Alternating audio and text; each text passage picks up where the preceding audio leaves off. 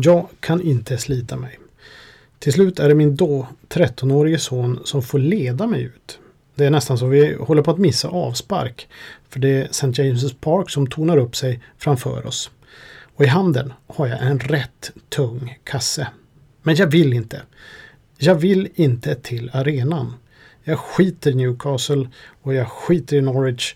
Jag vill bara gå tillbaka till bokhandeln som vi precis har lämnat.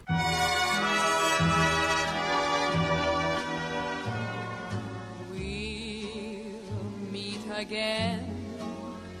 Don't know where, don't know when, but I know we'll meet again some sunny day.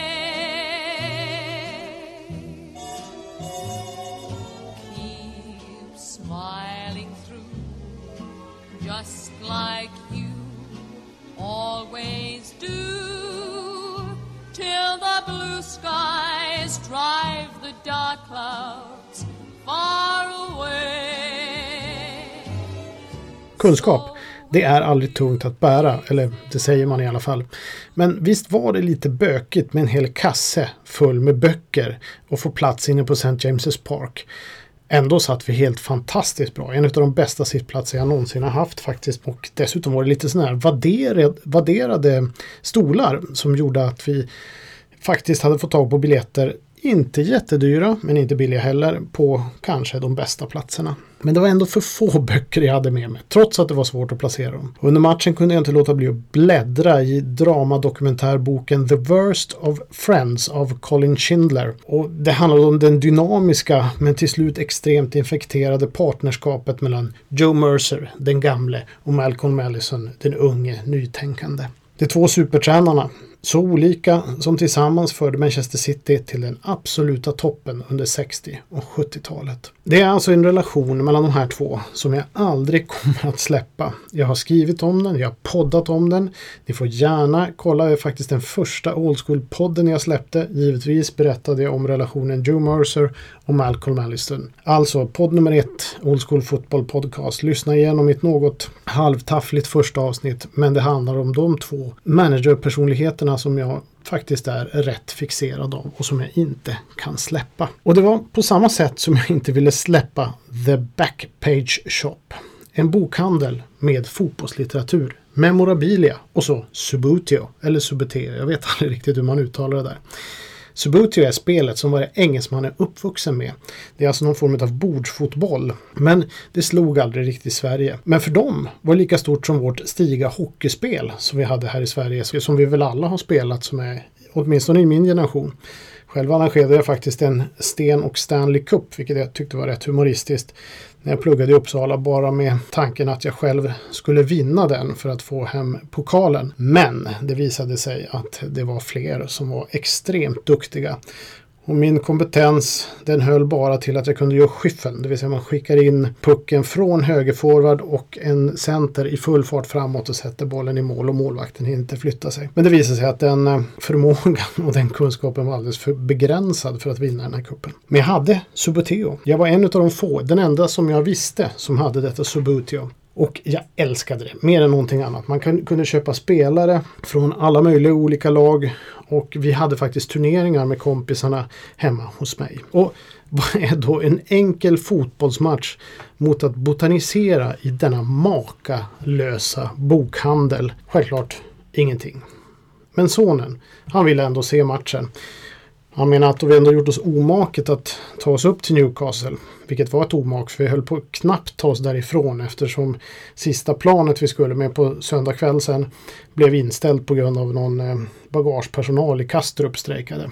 Och personligen tyckte jag i och för sig då att argumentet vägde rätt lätt med tanke på att det kanske var första och sista gången som jag fick besöka bokhandeln. Men som vuxen måste man vara lite mogen så jag sa okej, okay, vi går och ser på matchen. Men jag fick även med mig en till fantastisk bok där. The Tune, A Complete History of Newcastle United Football Club. Och den har jag haft mycket glädje av, inte minst till det här avsnittet. Newcastle United är ju lite speciellt. En stor klubb med fantastiska traditioner. Men det var inte så vassa under själva Tipsextra-tiden. Man gjorde faktiskt bara 14 matcher. 14 matcher är inte lite. Men eh, om man tänker att eh, De lite större klubbarna gjorde 20 matcher eller mer. En klubb som Everton gjorde tror jag någonstans kring 37 matcher. Manchester United, eh, Liverpool som gjorde flest matcher tror jag låg på 65. Så att de var, de var inte särskilt stora. Men eh, de fanns med där. Och jag kan tänka mig då att de flesta fans som man har här i Sverige, de kom till under Kevin Keegan och Bobby Robsons managerdagar rätt långt senare. I veckan så släppte jag och eh, unge redaktör Wiberg årets första The Editors podd. Ja, där, där vi snackar om nutidsfotboll. Faktiskt så till det milda grad att horisonten ligger bara på nästa omgång. Så den rekommenderar jag om ni vill lyssna in någonting inför kommande omgång. Vi släppte den i tisdags, eller om det var måndags kväll och den ligger fortfarande uppe. Eh, och där tog vi upp ett lyssnarönskemål som var just att prata lite grann om Newcastle och dess historia. Och den tid som jag är mest fascinerad av, det är tiden med tre olika managers. Joe Harvey, Gordon Lee och Arthur Cox. Och det var spelare som Malcolm McDonald, Alan Govling, Terry McDermott, Terry Hibbett, Kevin Keegan, Chris Waddle, Peter Beardsley, Paul Gascoigne med flera, med flera som passerade revy. En oerhört spännande tid som går genom hela 60-talet, 70-talet och början av 80-talet. Jag heter Per Malmqvist Stolt och ni lyssnar på Old School Football Podcast nummer 41 och nu ska vi snacka Newcastle United.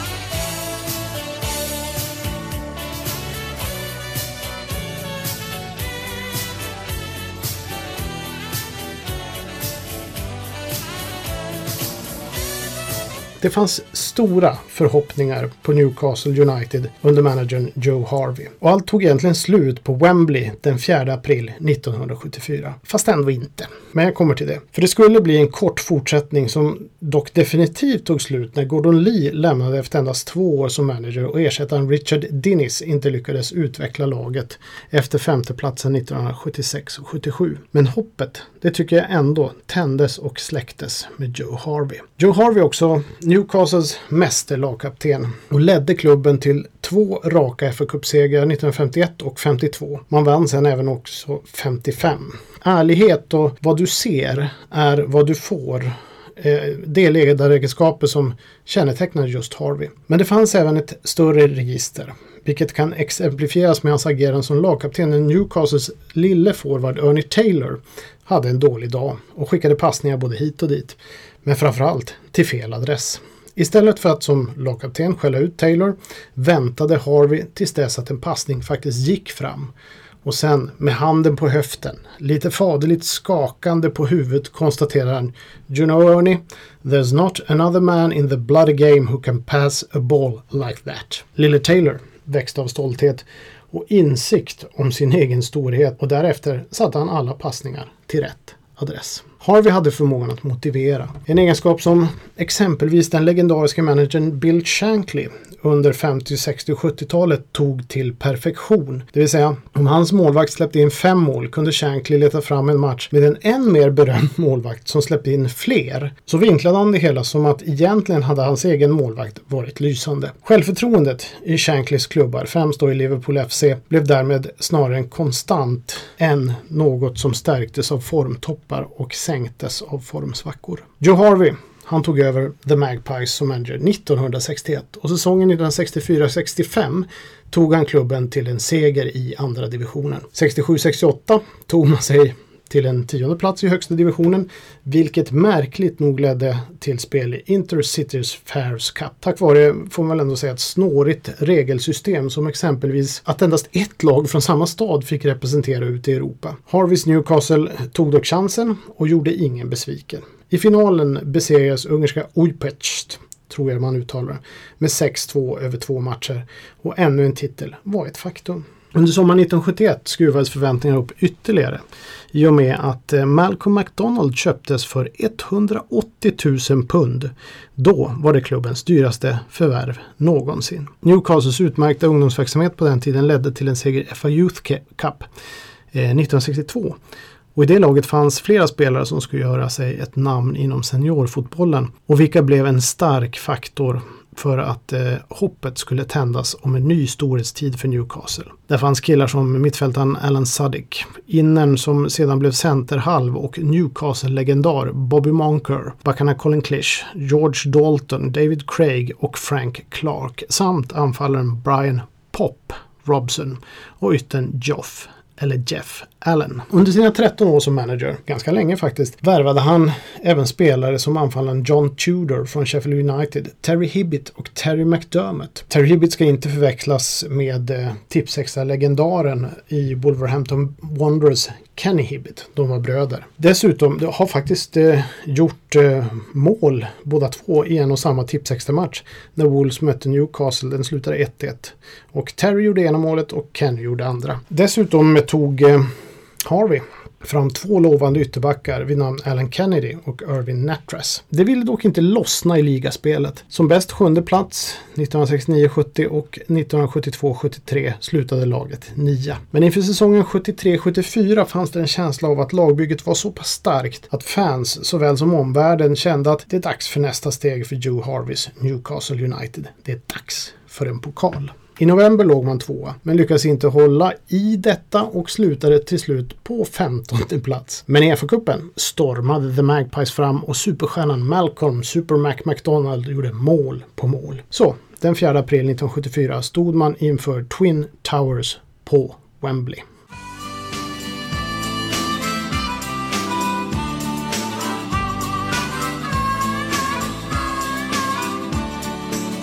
to come to London Cause I couldn't find a job But I don't intend to stay long. If I make a few quick bob It's cold up there in summer. It's like sitting inside a fridge But I wish I was on the quayside Looking at the old town bridge. I'm coming home, Newcastle. I might as well have been in jail. I'd walk the streets all day. I'll need for a bottle of your own brown ale I'm coming home, Newcastle If you never win the cup again. I'll brave the dark at St James's Park If the Gallagher end in the rain I'm coming home.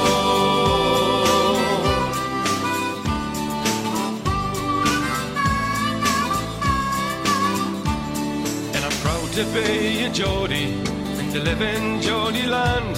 Some people think we're bawdy And we're hard to understand. And they say it's just self-pity And we're not so very tough. Cause the people in the big fat city Haven't had it half as rough I'm coming home, Newcastle. You can keep your London wine. I'd walk the streets all day. I'll meet for a bottle of the River Tyne. I'm coming home, Newcastle. I wish I'd never been away. I'd kiss the ground for the welcome sound And me mother saying, Henny, how we? I'm coming home Oräkneliga Georgies hade rest ner till London. Förväntningarna var skyhöga. Visserligen var Bill Shanklys Liverpool med Kevin Keegan i spetsen vilka stod för motståndet i FA-cupfinalen. Men Newcastle hade ju Malcolm Super Mac McDonald. Kanske en värdig arvtagare till anfallsikonerna Huey Gallagher och Jackie Milburn. Och ett lagbygge som faktiskt skulle kunna ta storheten tillbaka till nordost.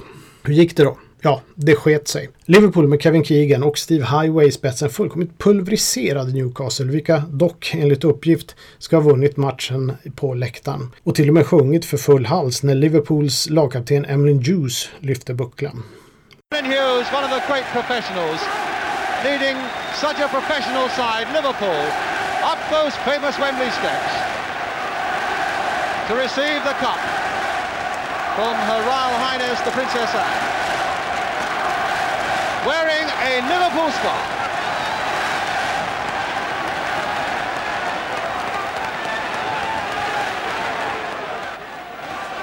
Well, it might be a little too much to bear sometimes, but I'm sure Hughes, Emlyn Hughes, isn't in the least bit worried. I think he'd probably go through that every season. given the chance. Taking all sorts of souvenirs up there to the Royal Box.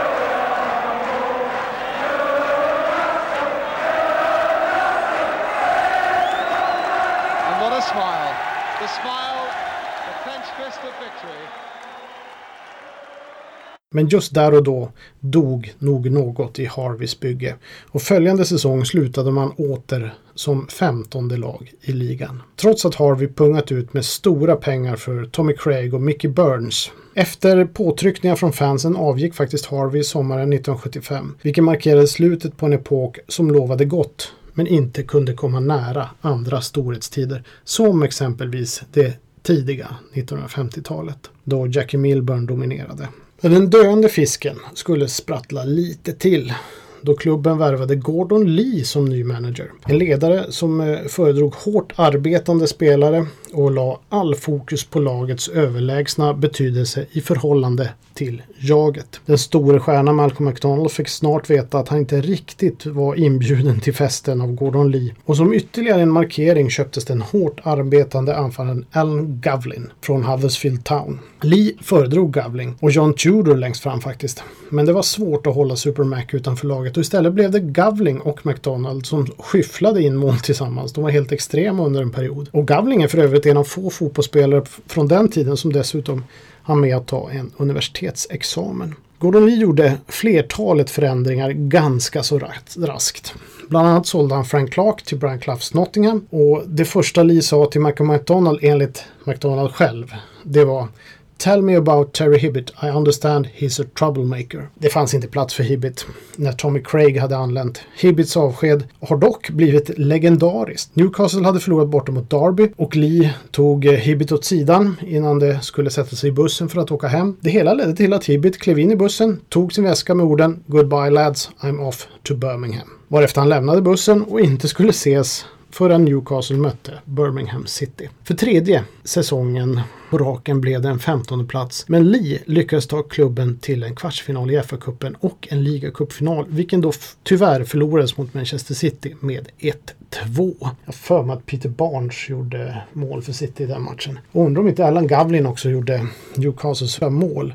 Frågan är vem som gjorde 2-1 målet. Det kommer jag inte riktigt ihåg, men det får vi ta sen. Utbrotten mellan Lee och McDonald under träningarna blev dock allt vanligare. Lee hade ju en förmåga att få vissa spelare att känna sig utvalda och det blev också en stark sammanhållning som Lee var rätt känd för att skapa och den skapade han också i Newcastle. Tyvärr var McDonald inte en av dem som fick vara med i det här gänget egentligen. Och under en sommarturné på Mallorca satt flertalet spelare tillsammans med Lee och assisterande managern Richard Dinnis och diskuterade hur de skulle hantera McDonald samtidigt som ölen flödade. Alan Gavlin berättade att många spelare i laget ansåg att de fått stå i McDonalds skugga allt för länge. Men aldrig hade de sagt något tidigare. Däremot har ju alkoholen en förmåga att få spelare att prata. Super Mac drevs därmed ut mot kylan. Och det här är ju rätt vanligt tycker jag när man liksom har studerat många av de här storspelarna som nästan är ikoner i sina klubbar. Det är inte alltid de är självklara. Oftast får de kämpa för sin plats. Ja, sommaren 1976 såldes han till Arsenal för den något märkliga men höga summan på 333 333 pund. Följande säsong blev dock inte så tokig och Newcastle slutade femma, vilket ju var den bästa placeringen sedan 1951. Men det hela solkades av att Lee hastigt och mindre lustigt lämnade för Everton mitt under pågående säsong i januari 1977. Visst, relationen med fansen var kanske inte den bästa med tanke på att Lees fokus var att undvika stjärnor, skapa ett strävsamt spelande lag och han sålde Malcolm McDonald. Men det var ändå lite för snabbt och vid fel tidpunkt. Även om Lee hänvisade till familjeskäl för att flytta till Lancashire så var det ett faktum att lönen höjdes med 100 procent. Visserligen lyckades Richard Dinnis ro säsongen i hamn och nå femteplatsen. I långa loppet var dock Dinnis en mycket olämplig manager och redan säsongen därefter åkte Newcastle United ur högsta divisionen. Och nu var eran som lovat så mycket under Joe Harvey definitivt över. Men nu är det dags för den tredje i denna skara av kanske inte så framgångsrika men väl så fascinerande managers. Min favorit, Arthur Cox.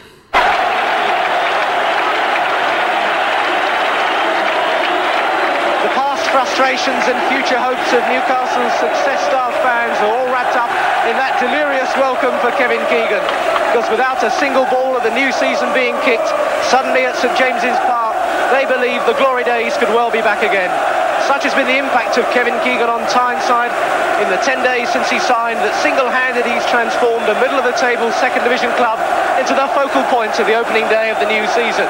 And with more than £100,000 taken in extra season ticket sales, the club has already recovered its transfer fee.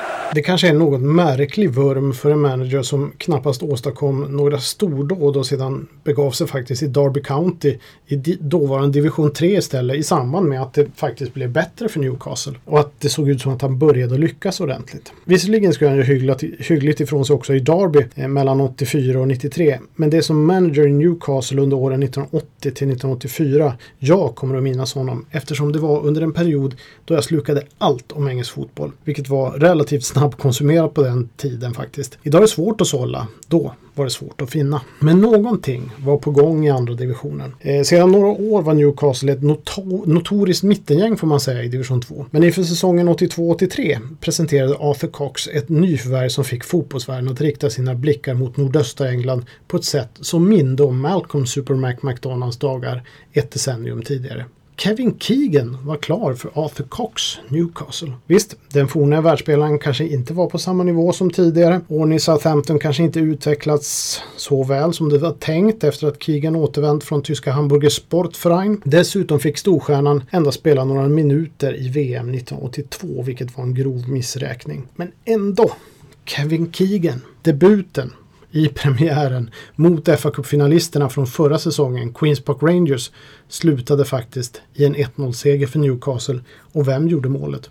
Jo, Kevin Keegan. På samma sätt som när han som ung och lovande anlände från Scunthorpe och målade i debuten för Liverpool. Jag skrev och bad om The Magpies autografer. Man gjorde ju sånt på den tiden i enlighet med instruktioner i tidningen Buster. Det skulle skrivas på ett särskilt papper för flygpost tillsammans med postförskottskuponger som man la ner i eh, kuvertet för att vara säker på att klubbarna skickade tillbaka. Dessutom fanns en mall för hur man skulle formulera sig på engelska. Klubbarna drabbades nog av högar med exakt likadana brev från svenska ungdomar. När jag fick mitt svar från Arthur Cox Newcastle var där ett späckat autografblad med flera, enligt Mick tycke kanonlirare. Exempelvis fanns Terry McDermott från Liverpool och David McCreary med förflutet i eh, Manchester United. Två storspelare jag hade sett i flera gånger i Tips Extra tidigare. Tillsammans skulle det bilda ett effektivt innermittfält. Dessutom fanns där en ung Chris Waddle som det skrevs en hel del om i, även i svenska tidningar.